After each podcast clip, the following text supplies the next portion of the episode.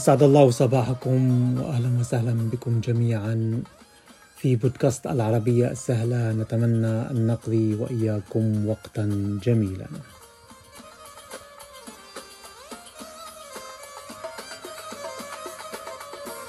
موضوع حلقتنا لليوم هو عن صورة الغرب في الثقافة العربية. طبعا دائما ما نرى صورة فيها شيء من الكراهية للغرب في الخطاب السياسي والإعلامي في ذات الوقت. نجد هناك الانجذاب لثقافة الغرب في بعض النواحي من الحرية والديمقراطية وحقوق الإنسان. فكيف لنا بتفسير هذه المسألة أو الحالة؟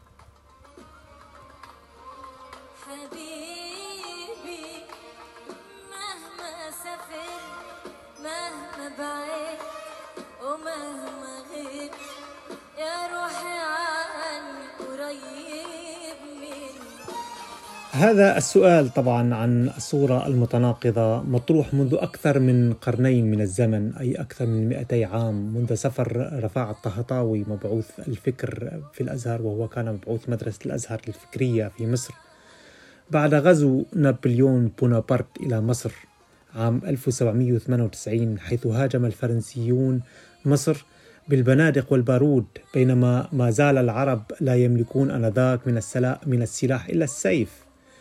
فكانت هناك الصدمة الثقافية عن عن غياب العرب عن معترك الحياة وعن مسرح العلم والتبادل الثقافي بين الشعوب. بعد الحكم العثماني التركي للبلدان العربية لأكثر من قرنين من الزمن. في وفيما بعد الحقبة الاستعمارية والفترة الاستعمارية منذ عام 1915 وحتى تقريبا نهاية عام 1960 أصبحت أصبح الغرب في الثقافة العربية غربان. غرب الاستعمار والتسلط والحروب والتدمير وهو سبب من أسباب مشكلاتنا إلى الآن وكثير من يعتبره الأساس. وهناك غرب ثاني هو العلم والحرية والديمقراطية ورفاهية الإنسان وأرض الثورة الصناعية والثورة الفكرية والفنون والحضارة والبنيان.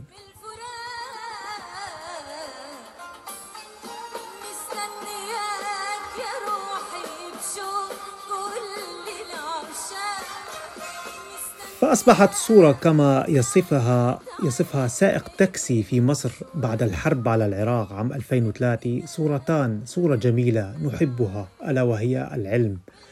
التطور الفكر الحرية الديمقراطية وحقوق الإنسان يعشقها أغلب أغلب العرب. وصورة أخرى كريهة حينما يلبس الغربي البدلة أو اللباس العسكري البدلة العسكرية الخاكي كما يقال أو الحذاء والبستار العسكري حيث يرافقها يرافق هذه الصورة طبعا الموت والتدمير لبلادنا فماذا فعل العراق لأمريكا ليدمر بهذا الشكل؟ ماذا فعلت الجزائر لفرنسا حتى تصطف الجماجم الجزائرية في متاحف فرنسا بهذا الشكل المهين لحقبة وفترة الاستعمار الفرنسي للجزائر؟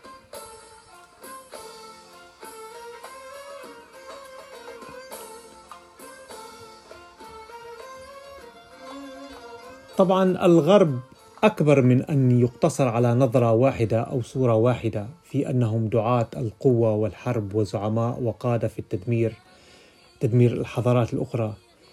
إنما أيضا في الغرب نفسه منظمات تكافح من أجل السلام وتعمل جاهدة من أجل تجنيب وقوع الحرب.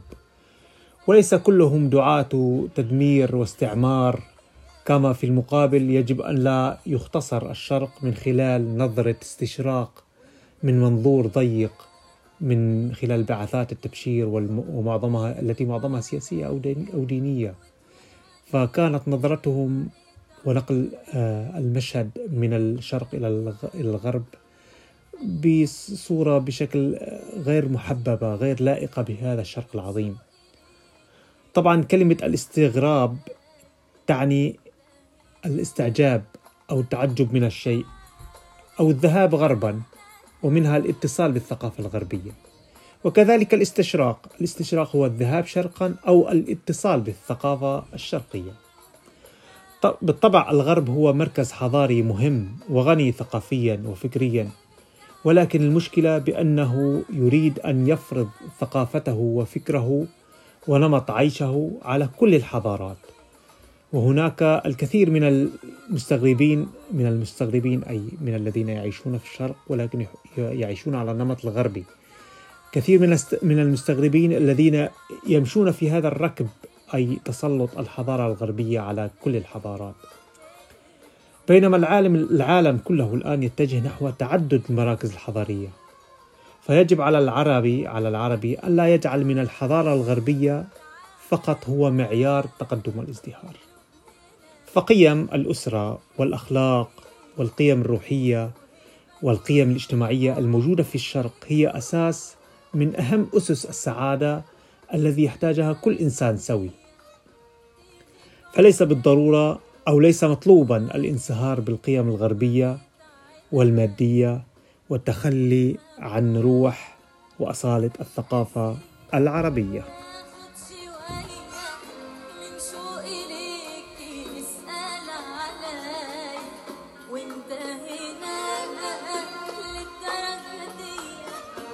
في فقرة trending من في فقرة تريندينج فقد تصدر وسم أو هاشتاج محمد أبو تريكة مواقع التواصل الاجتماعي ترحيبا بتصريحاته بتصريحات اللاعب المصري محمد أبو تريكة بشأن استضافة قطر لكأس العالم وردودا على الحملات التي تتعرض لها قطر. وقد كان أبو تريكة قد أكد في تغريدات أو في تصريحات له أن العرب لن يغيروا دينهم وعاداتهم وتقاليدهم من أجل 28 يوم من كأس العالم.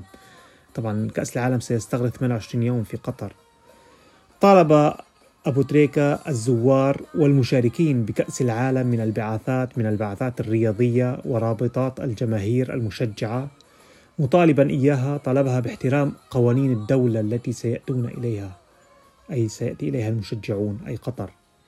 طبعا جاءت تصريحات اللاعب المصري السابق والمحلل الرياضي الحالي محمد أبو تريكة بعد أن صرح العديد من الصحفيين الغربيين مطالبين بمقاطعة مونديال قطر لرفضها رفع أعلام المثلية الجنسية في قطر سواء من الجماهير أو من اللاعبين. وكانت قد أعلنت قطر أن هناك حظر على بعض السلوكيات بعض التصرفات حظر على بعض التصرفات من الزائرين. أي يجب على الزائرين تجنبها احتراما لثقافة المجتمع القطري ومنها منع إطلاق الألفاظ الخادشة للحياء أي منع إطلاق الشتائم أو السباب البذيء. كمان طالب أيضا بمنع اللباس المبتذل مثل التنورة القصيرة مثلا أو اللباس الفاضح. كما طالب أيضا بمنع مظاهر الشذوذ الجنسي كما طلبوا طلبوا أيضا بمنع شرب الكحول في الأماكن العامة وكذلك منع تصوير الأشخاص من دون إذنهم وكذلك العلاقات الغرامية في الأماكن العامة وحظر الموسيقى الصاخبة كما عدم حظر عدم احترام الأماكن المقدسة في وكذلك العبادات.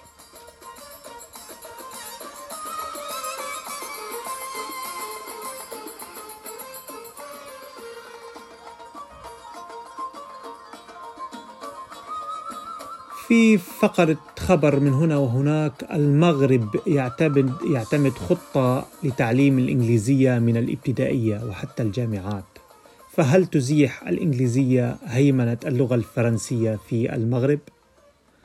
طبعا سابقا كانت تدرس اللغة الإنجليزية ابتداء من صف التاسع وحتى نهاية المرحلة الثانوية. أي أربع سنوات فقط. أما الآن فسيبدأ تدريسها منذ بداية المرحلة الإعدادية. وطبعا وحسب مطالب مجتمعية هذا ليس كافيا. فهم يطالبون أي الرابطات التجمعات الأهلية والمجتمعية يطالبون بتدريس كل المناهج والمواد العلمية التي تدرس باللغة الفرنسية. يطالبون أن تدرس باللغة الإنجليزية.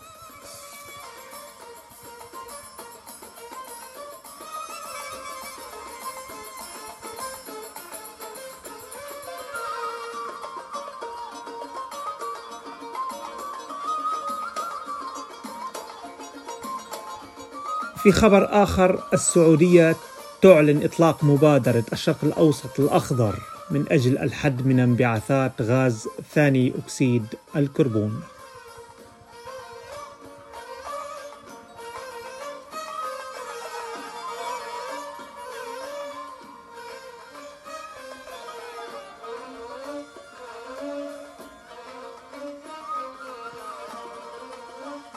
طبعا هذه المبادرة تهدف إلى الوصول إلى الحياد الصفري في عام 2050 أي أن يكون الإنتاج الطاقة في عام 2050 فقط من من مصادر الطاقة النظيفة والمتجددة.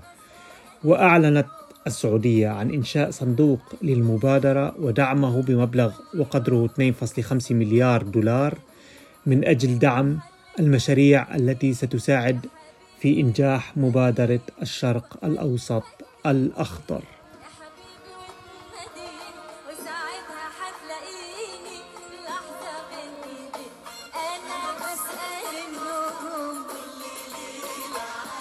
في خبر آخر وأخير من المقرر أن يصل عدد سكان العالم أو الأرض في 15 تشرين الثاني نوفمبر إلى ثمانية مليارات. وطبعا معدل النمو حاليا هو أقل من واحد بالمئة سنويا.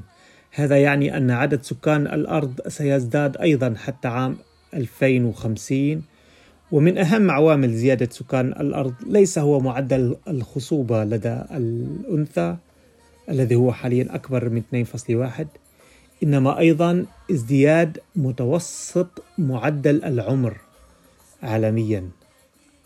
إذ أصبح معدل العمر عالميا حاليا 72.8 بينما كان عام 1990 ما يقارب 63 عام.